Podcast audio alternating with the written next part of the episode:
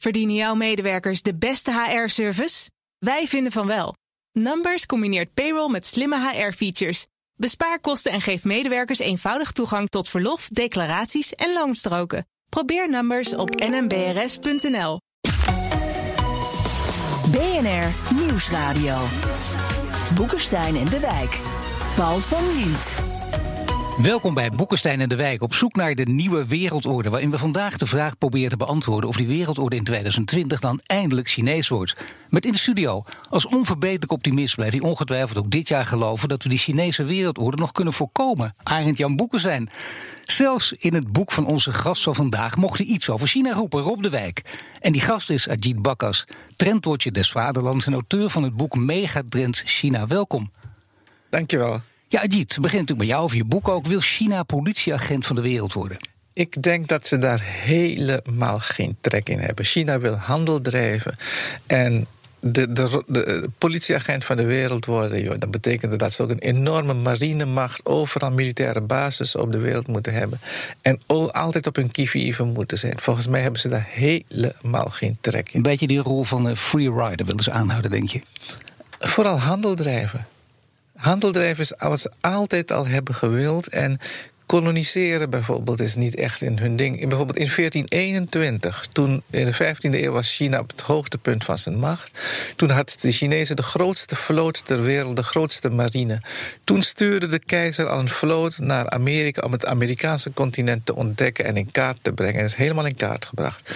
Uh, en allemaal namen gekregen. Bijvoorbeeld Peru is het Chinese woord voor land in de bergen. En toen de vloot terugkwam, toen eh, was er een blikseminslag in het paleis van de keizer. En die dacht, het is een teken van boven, we moeten Amerika maar niet uh, maar links laten liggen.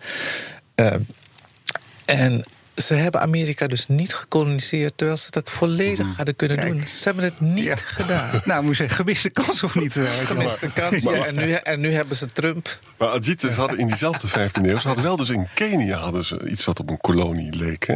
Er worden nu Chinese munten gevonden in Kenia. Ze hebben Zuid-Afrika bereikt. Maar je hebt gelijk, op een gegeven moment komt die omslag van een mandarijn die zegt van uh, wij moeten weer ons eigenlijk beter maar met onze eigen zaken bezighouden. En handel is ook niet zo belangrijk. En daardoor zijn ze eigenlijk heel arm geworden. Maar even over die militaire basis die je net zegt. Het is wel zo, als je naar de kaart kijkt... China heeft steeds meer militaire bases in Afrika. Ja. Ik ben het trouwens met je eens, hoor, dat ze geen militaire macht... Uh, dat ze dat nou zoveel gebruiken. Maar ze zijn wel actief op dat terrein, zowel qua militair budget ook als. Ja. maar als je dan kijkt naar hun marine, dat kan niet in de schaduw staan van de Amerikaanse marine. Dus als ze ooit de positie van de Amerikanen zouden willen hebben, dan zijn ze nog heel lang zoet. Dat is waar. Maar je zou kunnen zeggen, de 19e eeuw, dat was de eeuw van de Britten, de 20e eeuw, de eeuw van de Amerikanen. Dit is en wordt de eeuw van de Chinezen. Of niet? Dat zal voor een deel wel zo zijn. Je ziet inderdaad, als je kijkt eh, naar de handelsstromen en naar het economisch zwaartepunt in de wereld, dat schuift steeds meer van west naar oost. Dat schuift steeds meer naar Azië en zeker ook naar China.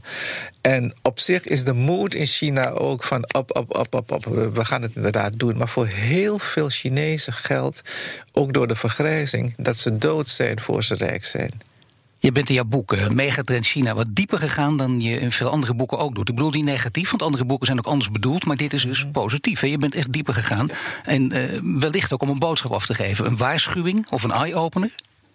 Ja, kijk, want de Chinezen die hebben gewoon een, een lange termijnvisie. Die plannen ook inderdaad voor decennia. En dat is ook lastig als wij inderdaad iedere vier jaar een andere regering hebben en andere plannen hebben. Dat is lastig om daar tegenop te boksen. Want zij denken inderdaad in 10, 20, 30, 50 jaar, 100 jaar vooruit. En we moeten hier eigenlijk ook een soort strategie voor de komende 50 tot 100 jaar gaan bedenken. En zij hebben dat dus allemaal met ook bijvoorbeeld die nieuwe zijderoutes die ze overal aanleggen. Ik was begin december nog in Thailand. Ook in Thailand wordt zo'n een van die routes aangelegd die door China, Laos, Vietnam, eh, Thailand, door Maleisië, Singapore. Overal bouwen ze. En overal in Azië zie je ook dat de Chinese immigranten, die in de tijd dat China arm was, uh, daar naartoe gingen, dat die nu de grootste bedrijven in handen hebben. Allemaal. En die fungeren ook als de stoottroepen van China. In Thailand zie je dat, in Indonesië zie je het, in Maleisië. Overal. Nee, maar dus ze hebben echt strategie. op de wijk. Als dat, als dat gaat gebeuren, dan uh, is het ook per definitie zo dat China belangen krijgt overal in de wereld. Die belangen moeten beschermd worden. En of China het wil of niet, dan word je gewoon een macht. Nou ja, je hebt even gezegd van het wordt het dan de politiemacht van de wereld. Ja, dat zou dan heel erg goed kunnen omdat China gewoon zijn belangen moet eh, gaan eh, verdedigen. Want ik zou wel eens één goed argument willen horen waarom China dat niet gaat doen. Eh, waarom zou China een land zijn dat totaal zich afkeert van de geschiedenis en niet die dominante macht wordt die hoort bij de sterkste economie van de wereld, die overal in de wereld zijn belangen heeft. En als je gaat kijken naar het aantal bases dat op dit ogenblik door China wordt opgericht, overal in de wereld, dan moet je zien dat ze overal ook zitten. Tot en met uh, tot en met uh, de Middellandse Zee. Dat was gewoon 10, 15 jaar geleden ondenkbaar dat dat zou gaan gebeuren. Ik geef wel onmiddellijk toe uh, dat het in die zin een ander land is, dat het niet uit is op kolonisatie. Dus het is niet een westers land in de traditionele zin. Maar het is wel een land dat terugvalt tot op het zogenaamde tribuutsysteem. Dat betekent uh, dat andere landen uh, China moeten erkennen als nummer één in de hiërarchie, nummer één in de wereld uiteindelijk. Dat was in, uh, de, in de oude tijden was het ook zo. Tot laten we zeggen halverwege de 19e eeuw. En je moet je ook zeg maar die ondergeschiktheid betonen aan de leiders in China door het geven van tribuut. Door het betalen van tribuut. Door te laten zien dat je inderdaad ondergeschikt bent. Nou, dat ja. systeem dat systeem, dat zien we op dit ogenblik hand over hand weer eigenlijk opnieuw uitgevonden worden. Met andere woorden, je gaat hier wel degelijk in de richting van een hegemoon eh, en een dominante macht, die inderdaad ook politietaken krijgt. En ze willen zich beschermen. Geef eens één goed argument zich op de wijk. En dat is wel een leuk begin van nieuwjaar, toch, Rajit? Om één goed argument te, geven nu, want Rob heeft nog niet gehoord. Eén goed argument om te zeggen waarom zou China dat niet doen? Al deze, al, al deze macht gaan uh, beveiligen als politiemacht voor zichzelf, bescherming? Eén, omdat ik denk dat ze militair helemaal niet zo sterk zijn. Het Chinezen zijn toch betere handelaars dan soldaten. Uh, en ik denk. Uh, en dus, dus dat is het eerste. En twee, ik denk dat ze het gewoon te veel gedoe vinden. Het is ook veel gedoe. Als je ziet wat het Amerika allemaal kost. Amerika is nu al honderd jaar bijna permanent in oorlog. Overal ter wereld kost heel veel geld, kost heel veel politieke aandacht en energie. Ik denk dat ze de aandacht en energie liever richten op handel drijven. Ja, maar dat zou wel kunnen. Maar het punt is dat ze gewoon geen keuze hebben. Dit is gewoon wat er gaat gebeuren als een, als een land zich ontwikkelt tot supermacht. De regels van het spel gaat bepalen. Dat doen ze ook door hun eigen instituties. Die eigenlijk een concurrent zijn van westerse instituties zoals de Wereldbank. Uh, uh, oprichten, dan krijg je automatisch dat je, dan is er gewoon geen ontkomen meer aan. Dan moet je gewoon eh, je, je belangen verdedigen. En dat is precies wat er gebeurt. En onderschat niet wat er gebeurt op militair gebied. En uh, in ieder geval is China nu nummer één op het gebied van vredesoperaties. Het is de grootste bijdrage aan VN-operaties in de wereld. Waarom doen ze dat? Invloed, maar ook om, precies, Ajit, en daar heb je natuurlijk gewoon gelijk in ervaring op te doen met grote militaire operaties ver van huis. Op een gegeven moment hebben ze pakweg 15 jaar geleden besloten om schepen te zenden naar de Somalische Golf, om daar mee te gaan doen aan de antipiraterijoperatie, die onder andere door de NAVO en de Europese Unie werd uitgevoerd. Waarom doen ze dat? Om ervaring te krijgen met het uitvoeren van operaties van van huis. Zijn op dit ogenblik bezig met de ontwikkeling van vliegkampschepen. Met andere woorden, hier is ook een marineprogramma die zijn omvang in de wereld niet kent. Ja, India en China hebben nu de grootste wereld, eh, de marinebouwprogramma's eh, van de wereld. En de Amerikanen kijken daar met enige verbazing naar hoe hard dat gaat. En hoe zij dus in staat zijn om bijvoorbeeld nu de hele Zuid-Chinese zee af te grendelen. Daar komen de Amerikanen inmiddels niet meer in. Met andere woorden, hier is echt wel wat aan de hand. En hoe moet je dan opstellen als je zegt dat er zoveel aan de hand is, wat we misschien niet eens uh, heel waar ons allemaal niet heel erg bewust van zijn? Hoe moet je daar tegen opstellen als EU, nou. als Amerika?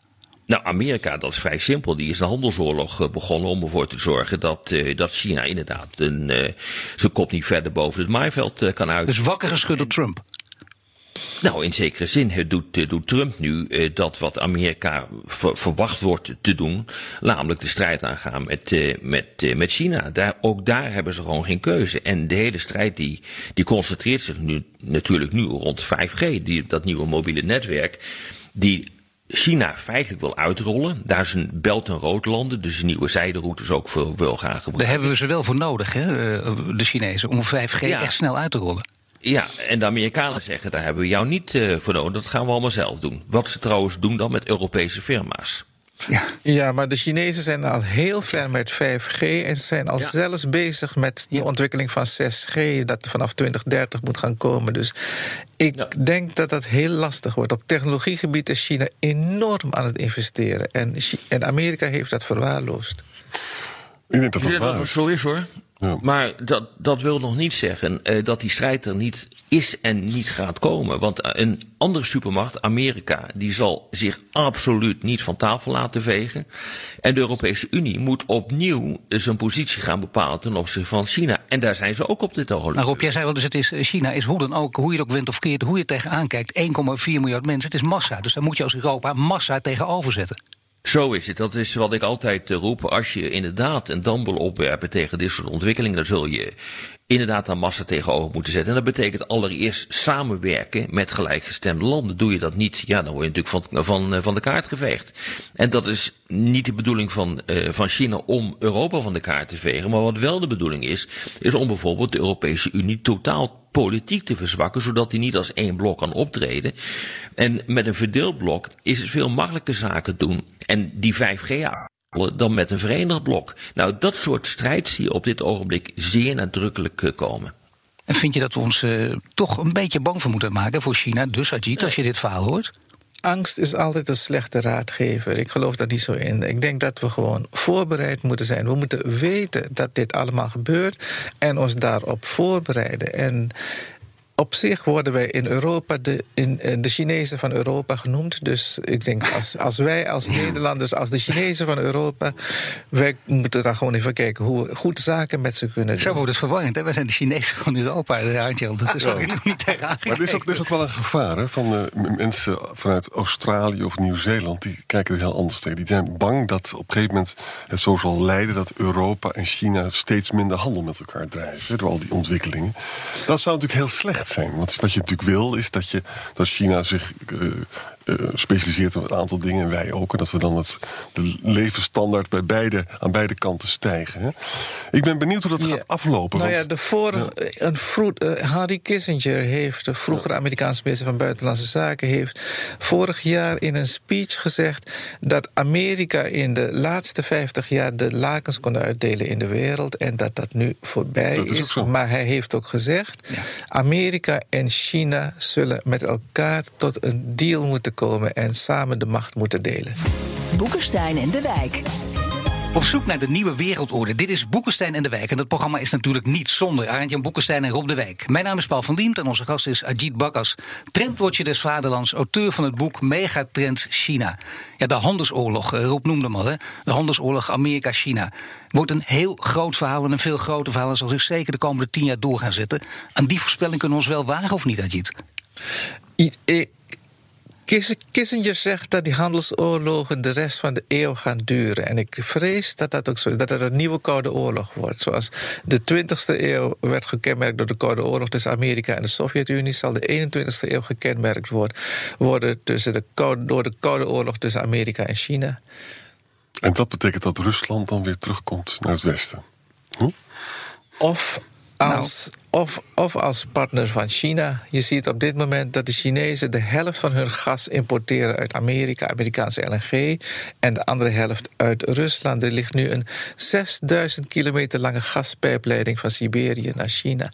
3000 kilometer door China, 3000 kilometer door, door, Rusland. Dus op zich zie je dat Rusland weer belangrijk wordt, ja. Maar China ook natuurlijk, hè? Niet, Rob? Rusland zal nooit een partner worden van China. Dat, uh, dat past niet bij China. China houdt niet van partnerschappen. China wil nummer één zijn in de hiërarchie. En uh, dat, is een, dat is historisch altijd zo geweest en dat is nog steeds zo. Ze houden ook niet van multilateralisme. Allemaal gezellig het uh, komen tot compromissen in internationale organisaties. Dat, dat is ook niet wat, wat China wil. Ehm, Rusland is gewoon een junior land in vergelijking met, uh, uh, met, uh, met China. Wordt ook als zodanig behandeld. Met andere woorden, ehm, ik denk dat Arend Jan gelijk heeft. Dat je op termijn ga je gewoon een verschuiving krijgen eh, van Rusland naar de Europese Unie. Al was het ook alleen maar omdat Euro, omdat Rusland in essentie een Europees land is en geen Aziatisch land. Zeker niet daar waar de macht is, Moskou. Ja. Even over China nog en dat multilateralisme. Dat is natuurlijk waar. Hè? China die doet het gewoon zelf. Maar ze zijn ook ontzettend slim. En wat jij zegt is ook heel erg waar. Ze hebben dat perspectief van tientallen jaren. Hè? Ik heb een keer als Kamerlid heb ik een Chinese delegatie mogen ontvangen. Dat was fantastisch werk, met allemaal professoren erbij. En wij zaten daar met, met drie Kamerleden, ongeschoren bewijs van spreken. en er kwam, er kwam zoveel... Heel anders dan nu. Er kwam zoveel denkkracht kwam er naar binnen. Hè. Dat was echt, echt geweldig. Maar even, wat China zo slim doet bijvoorbeeld... is ze zijn nu de kampioen van de klimaat. Hè. Ze zijn heel erg voor... Uh, en ze investeren enorm in ja. onderwijs ongelooflijk, ook met e-learning. Het is, zelfs in de kleinste dorpjes krijgen kindertjes les van goede docenten, omdat het allemaal met videokanalen gaat. Ze investeren. Ik vind dat ongelooflijk. Veel beter dan bij ons. Ja. Dus dat beroemde boek dat nou in Amerika verschenen is over hoe dat, hoe dat onderwijs in China is in vergelijking met bij ons of bij Amerika. De beste docenten krikken de andere docenten op en zo. Je wordt er stil van als je het leest. Ja. Precies, het is onderwijs, onderwijs, onderwijs. Dus ik denk zelf voor Europa is dat ook onderwijs, onderwijs. Ik ben ook verbaasd dat op het gymnasium de elite van morgen 20, nee, 10 uur per week bezig is met uh, Grieks en Latijn. Ik denk, de Grieken werken al 2000 jaar niet meer. Latijn, hoe, ga die kinderen Chinees leren. En er zijn nu al middelbare scholen waar dat kan, waar er inderdaad dan extra geld wordt vrijgemaakt. De ouders brengen het geld bij elkaar voor een leraar Chinees. Ik vind ook, die kinderen moeten Chinees leren. Nou, het is een andere discussie, onderwijs, maar toch even Latijn en Grieks. Het gaat natuurlijk ook over manier van denken. Maar daar gaan we, daar gaan we over hele andere zaken praten. Maar we hebben nu ook over uh, de risico's. Eigenlijk, beter gezegd, hebben we het nog niet over gehad. Want Arend Jan, dat vind je ook belangrijk. Hè? Daar moeten we misschien ook eens over hebben. China lijkt de grote macht te worden, de grote speler deze eeuw. Het waren de Britten, wat ik zei, daarna de Amerikanen, nu de Chinezen. Maar toch zijn grote risico's ook voor China. Ja, en welke zijn dat? Kijk, achteraf kunnen we nu zeggen dat die Pax Amerikanen, dus Amerika als politieagent, heeft natuurlijk West-Europa geen windeieren gelegd. we zaten voor een, voor een dubbeltje op de eerste rang. Hè. Klopt. En nu is het natuurlijk zo dat uh, het is echt zo dat China veel machtiger aan het worden is, ook militaire macht projecteert. En nou komt het. Uh, China is nog veel exceptioneler dan Amerikanen. Zij vinden ons barbaren. Dus dat is niet zo dat ze nou zo'n heel erg positief beeld van ons hebben. Dat is één. En twee is, als je nou praat over uh, westerse normen en waarden, die worden niet gedeeld door China. En dat maakt, dus, dat maakt het internationale systeem dus instabieler. Want je kan niet uit dezelfde bron putten met elkaar. Dat komt met de Amerikanen veel beter. Dus het wordt een instabielere eeuw, denk ik dan. Het wordt inderdaad een instabielere eeuw. Alleen denk ik dat in deze eeuw grote oorlogen een beetje uit de mode zijn geraakt. Van het formaat als de Eerste en de Tweede Wereldoorlog. Mm. Dat, dat is een beetje uit de mode geraakt. Te duur, te bloederig, te veel gedoe. Dus dat wordt vervangen door handelsoorlogen, boycott en dat soort dingen. En kleinere oorlogen, kleinere lokale oorlogen. En dat, is, eh, dat, is, dat vind ik wel wat geruststellender. Dus geen eh, tanks over die nieuwe zijderoute? Ik denk niet dat er een derde wereldoorlog komt tussen Amerika en China. Ik denk dat, dat, dat Kissinger gelijk krijgt en dat, dat, gewoon, dat ze elkaar gewoon in evenwicht gaan houden. En dat Europa gewoon, en wij als Nederland moeten gewoon vooral gaan kijken hoe zorgen we ervoor dat we dat behendig tussendoor laveren. Dat we gewoon de vruchten blijven plukken van de Pax Americana, wat ik ben het er helemaal mee eens, dat heeft ons geen windeieren gelegd. Defensie voor een dubbeltje, allemaal prima, allemaal, allemaal prima. En, uh, maar ik denk dat wij als Nederland heel goed zaken zullen kunnen doen met, met China. Als ik zie hoe Nederlandse bedrijven presteren in China, DSM, AXO, doen het allemaal fantastisch. Dus ik denk dat het heel goed te doen is, dat we goed zaken met ze kunnen doen. Ik, ik ben het al volstrekt mee eens, Ajit. Uh, het probleem is denk ik wij zelf. Het probleem is niet China of het probleem is niet Amerika. Klopt, helemaal mee eens. Om wat wij, wat, wij, wat wij zelf willen. En uh, dat uh, kleine discussietje net over onderwijs is natuurlijk een fantastisch voorbeeld. Als je dat dus laat versloffen, uh, dan ben je nergens meer. Met andere woorden, het interessante is wat je, wat je nu niet ziet, is dat China ons niet dwingt om er een tandje bij te zetten. Om het onderwijs te versterken. Om je industriële basis te versterken. Om te komen tot, een, tot een nieuwe industriepolitiek. Om, te, om, om na te denken hoe wij dan zelf 5G eh, gaan aanleggen. Dat doen we allemaal niet. Nee, precies. En dat, dat, en dat vind ik het grootste probleem. Je, je kunt blijven roepen van uh, dat het allemaal toch zo verschrikkelijk is dat er een handelsoorlog is en dat, uh, dat China aan het opkomen is en hoe gevaarlijk dat is. Het grootste gevaar zit gewoon in onszelf, omdat we gewoon geen flikker doen. Nou ja, wentelen, wentelen en decadentie, dat zie je natuurlijk heel vaak. Hè, Nee, dat, dat schrijf ik in mijn boek ook. Het probleem zit in ons. Het, eh, eh, we kunnen prima zaken doen met China. We kunnen prima opkomen. En, en Amerika en China komen uiteindelijk wel weer tot een deal.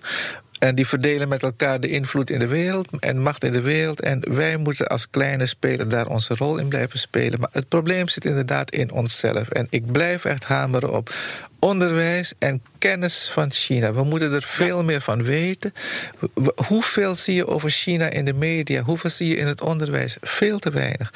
Onderwijs, maar ook in het bedrijfsleven. Ik, zie ook, ik spreek ook te weinig ondernemers in Nederland die doorhebben wat er gebeurt in China. Ze weten het niet. Nee, het begint wel te komen natuurlijk, hè, met die boeken. Twee, twee van de drie sprekers vandaag hebben er al een boek over geschreven... en geven er ook veel lezingen over. Dus het begint natuurlijk wel door te dringen... en een, groot, een groot, heel groot onderwerp te worden. Gelukkig wel, gelukkig. Maar dat had al, dat had al langer gekund. En we moeten nu ook, en we moeten er niet alleen over praten, we moeten ook echt dingen gaan doen. Nou, wat moeten we doen?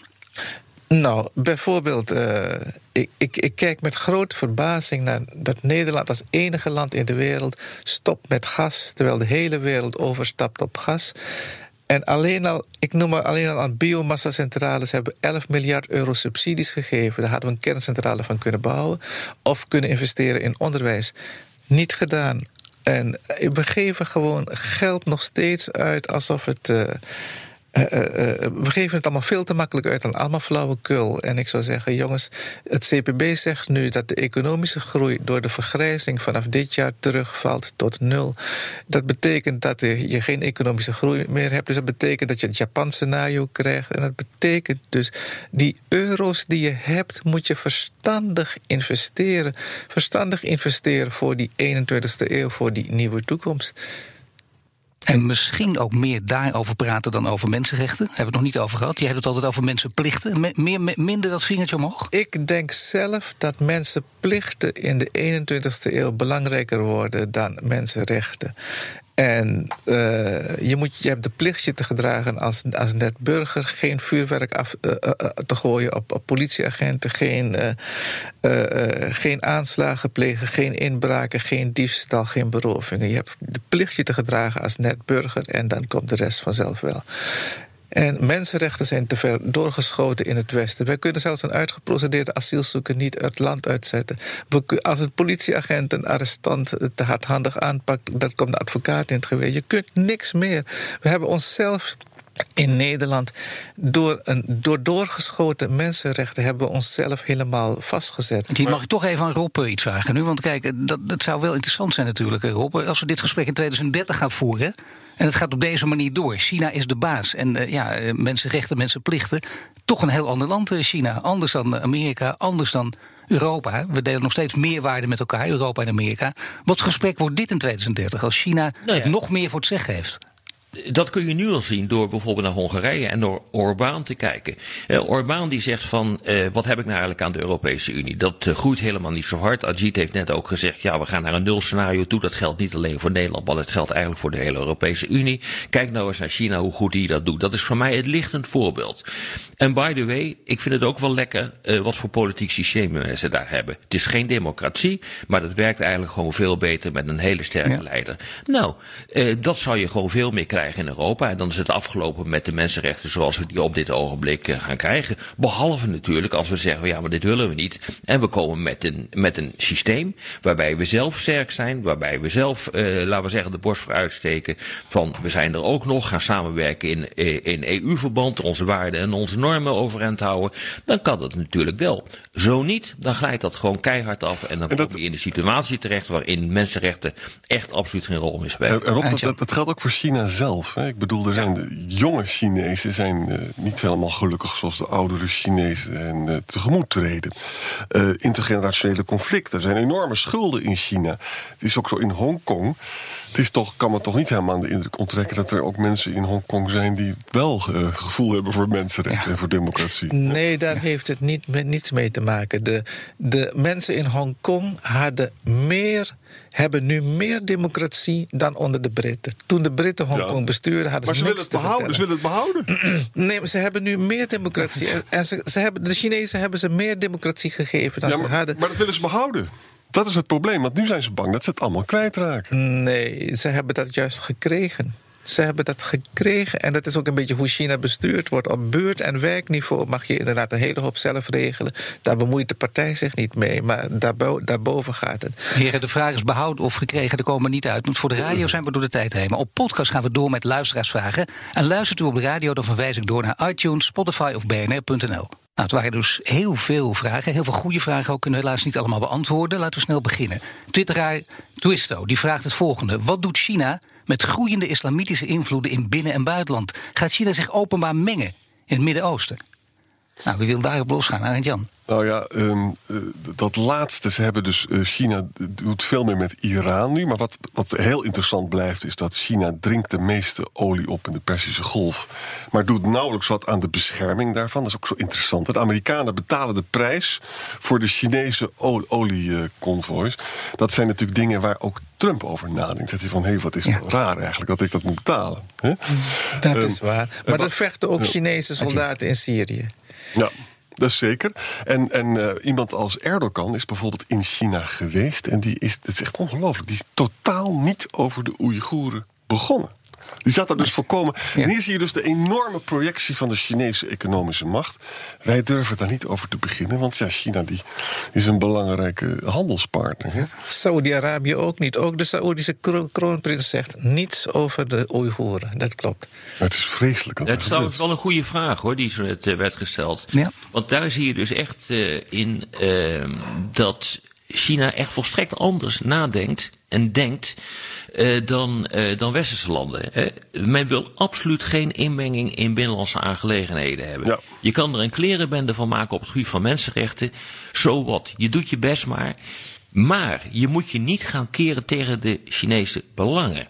Als je dat gaat doen, dan krijg je te maken met de lange arm van eh, China. Een aantal landen is er al eh, achtergekomen, zoals Sri Lanka. En het zou me niet verbazen eh, als een land als Montenegro daar binnenkort eh, achter gaat komen, die zijn schulden niet kan afbetalen in de richting van, eh, van China. Dan krijg je te maken met Ja. China. Maar voor de rest moet je het helemaal zelf weten wat je doet eh, in jouw, jouw eigen land. En dat verklaart ook dat zij dus niet accepteren dat iemand zich bemoeit met hun eigen mensenrechten. Of met de Oeigoeren in dit geval. Het grappige is overigens, je hebt, je hebt verschillende groepen moslims in China. De Oeigoeren zijn er één van. Dat is een Turks, aan het Turken verwant volk. En dat is in de Han-dynastie, 2000 jaar geleden, is dat, eh, is dat gedeelte ingelijfd bij China. En dan heb je verder ook etnische Chinezen die ook moslims zijn. En op zich, het grappige is, als je als moslim in China gewoon een brave burger bent en niet denkt aan afscheiding, wat bij de Oeigoeren echt een probleem is, dan is het oké. Bijvoorbeeld de pornohandel in heel China is in handen van moslims. En dat gaat heel goed. Allah vindt dat goed. Allah vindt dat goed. En dat gaat allemaal prima. Maar dat zijn dus moslims die niet denken aan afscheiding. Die zeggen: nee, natuurlijk niet. Hup, wij verkopen gewoon porno aan de Chinezen. En verder, who cares? Als maar handel is. En, maar het probleem bij die Oeigoeren is dus dat inderdaad een deel zich graag wil afscheiden van China. En dat, dat, vinden, dat accepteren de Chinezen niet. Die hebben om Han China hebben ze een aantal bufferstaten. Dit is er één van en Tibet is er ook één van. Dat accepteren ze gewoon niet dat die bufferstaten die Han China beschermen, dat die eh, zich worden afscheiden. Nou, laten we nog even doorgaan over handel en wereldpolitiek. Frans Reus, heb daar een vraag over. Kan Xi het zich permitteren uitsluitend economische hegemonie af te dwingen? Of vereist de wereldorde, de historische realiteit, de veroveringsdrang van wereldrijken, dat ook een militair overwicht wordt verkregen en ingezet? Nou, op zijn minst heb je dus militaire macht nodig om te projecteren, om dus die, om die grondstoffenaanvoer naar China eh, eh, te garanderen. Dat is heel belangrijk. En, en je hebt natuurlijk ook, als je nog veel meer gaat investeren, we krijgen dus nu Chinese schepen in de Middellandse Zee, Piraeus is opgekocht. Hè. Dan krijg je dus een soort, soort machtprojectie krijg je daar. Dat gaat dus handel. Eh, en zeker een agressieve investeringspolitiek heeft ook een militaire component. Dat gaat eigenlijk hand in hand. Maar hoe zouden ze dat moeten doen? Bijvoorbeeld, China heeft lithiummijnen in de hele wereld opgekocht, ook in Argentinië, ook in Chili. Hoe moeten ze dan die mijnen gaan beschermen? Moeten ze dan legertjes daar gaan, of legerbasis daar gaan Als het heersen? noodzakelijk is, wel ja. En je Doen ze. Dus ook, eh, als je gaat kijken naar de wijze waarop de Chinese krijgsmachten worden geherstructureerd, dus worden veranderd, eh, dan worden die expeditionairder. Het is precies hetzelfde wat er eh, is gebeurd in Europa na het einde van de Koude Oorlog. Eh, als, je, als je dat bekijkt vanuit het perspectief van een defensieplanner, dan zie je gewoon wat er gebeurt en dan weet je ook precies wat de bedoeling is om daarmee, eh, eh, om daarmee aan de gang te gaan. Wat je dus doet, is je maakt eh, een, een krijgsmacht die veel flexibeler is en je maakt hem mondiaal inzetbaar. Eh, dat betekent dat je heel groot eh, gaat investeren in de marine en dat gebeurt op dit ogenblik ook, ook al. Volgens mij heeft China nu het grootste marinebouwprogramma van de wereld. Kan ook India zijn, maar dan loopt het ongeveer gelijk op. En je ziet ook dat de landmacht en luchtmacht veel verder van huis kunnen worden ingezet. En dat is precies de reden waarom, oorlog, waarom er nu ook vliegkampschepen worden, worden ontwikkeld. Het is allemaal nog eh, in ontwikkeling, maar het gaat wel heel erg hard hoor. Eh, Zo'n ontwikkeling hebben we nooit eerder gezien. Van een marine die, eh, laten we zeggen, 15, 20 jaar geleden alleen nog maar in de kustwateren kon opereren. En nu inmiddels al wordt gezien in de Oostzee. Om daar gezamenlijk met China, met, met Rusland te oefenen. Met andere woorden, nee, het gaat echt heel erg hard. Toch kunnen er ook eh, positieve kanten zitten. Eh, met name als we luisteren naar Marietta Groeneveld. Die zegt, zal de nieuwe handelsroute over de Noordpool... niet ook de band tussen China en Europa weer kunnen versterken?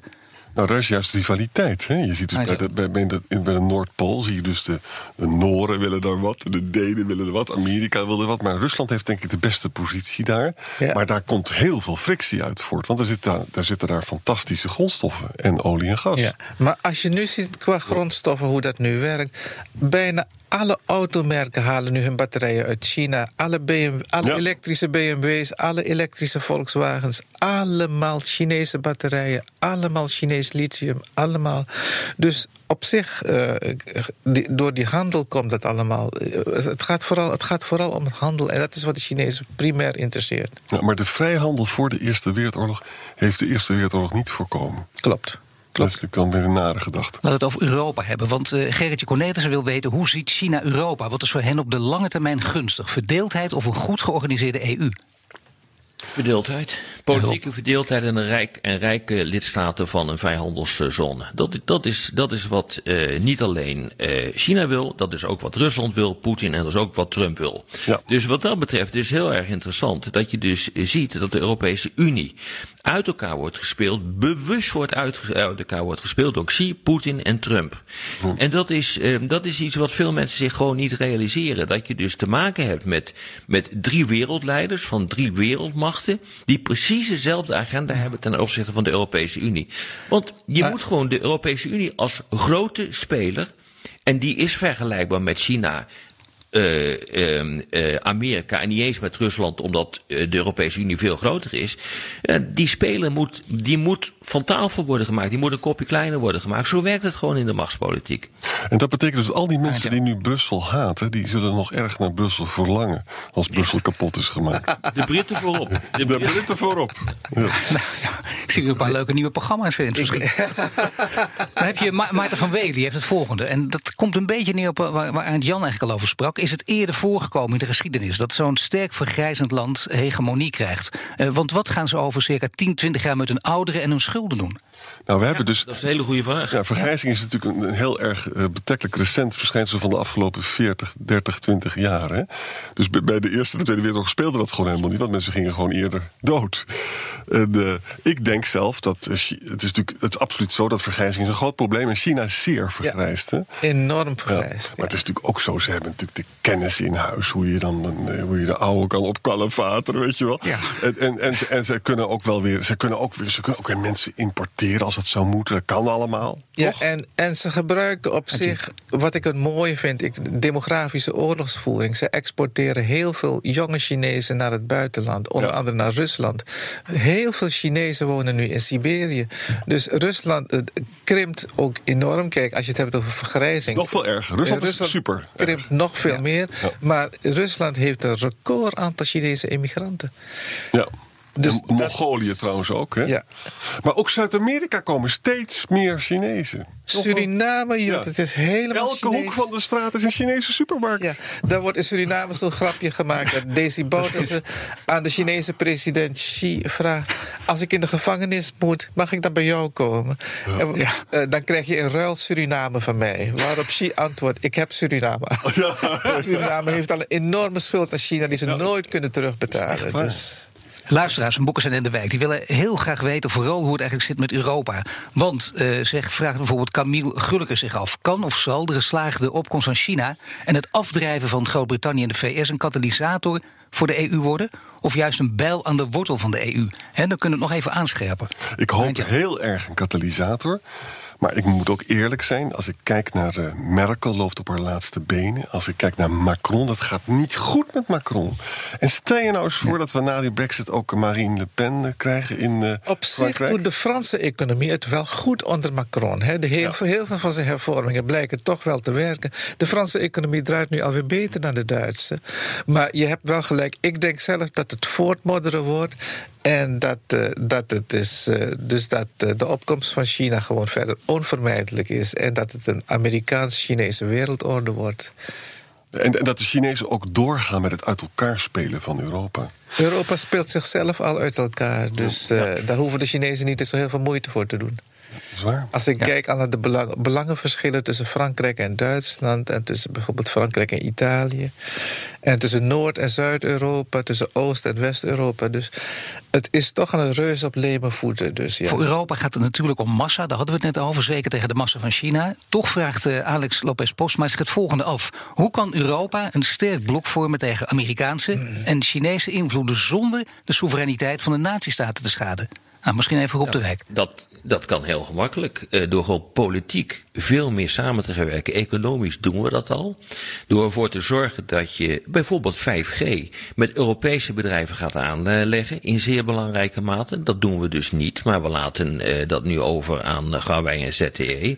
Wat op zich vreemd is. Want de Amerikanen zeggen nou Nokia en Ericsson laten we die maar eh, naar binnen trekken. Met andere woorden, dat kan, dat kan heel goed. Alleen dan moet je dus... over die hele discussie heen stappen eh, van, dat, eh, van dat eurosceptische gedoe. Van en ze worden één grote superstaat. Dat worden wij helemaal niet. Maar als je politiek gewoon heel goed samenwerkt en realiseer je dat de Europese Unie een regelsupermacht is van de wereld, eh, dan kom je heel eind. En wat je dus nu ziet, en dat is zeer bedreigend voor eh, de Verenigde Staten, is dat de aanval op de dollar is ingezet. En dat doet dus ook, ehm, kijk, 80% ongeveer van alle transacties in de wereld geschiet in dollars. Als je daar onderuit kunt komen. En eh, die hele toestand die we nu hebben met Iran en al die handelsoorlogen die Amerika aan het voeren is, die zorgt ervoor, die macht van die dollar die, eh, die wordt dan doorbroken. En dan wordt de macht van de euro. Dat is helemaal die wordt- waar. Dat is Die helemaal wordt versterkt. En dat heeft enorme consequenties. En als dat gaat gebeuren, dan zou, dan zou het wel eens een keer niet kunnen gaan tussen China en Amerika, maar tussen Europa en China. Met andere woorden, eh, die toekomst is op dit gebied buitengewoon onzeker hoor. Nou ja, die, die, die zijderoutes die zijn ook. Die zijn ook monetaire zijderoutes. Dus je ziet dat China zijn eigen munt exporteert als nieuwe handelsmunt. Langs, Exact. door alle landen waar die zijderoutes Ja. lopen. Deze podcast eh, dreigt het aan te lopen, daar bedoel ik mee qua tijd. Dus eh, dit was het, Boekenstein in de Wijk. En eh, namens Aartjan Boekenstein en op de Wijk zeg ik dank voor het luisteren. En speciale dank aan Ajit Bakkers. Tot volgende week. Verdienen jouw medewerkers de beste HR-service? Wij vinden van wel. Numbers combineert payroll met slimme HR-features. Bespaar kosten en geef medewerkers eenvoudig toegang tot verlof, declaraties en loonstroken. Probeer Numbers op nmbrs.nl.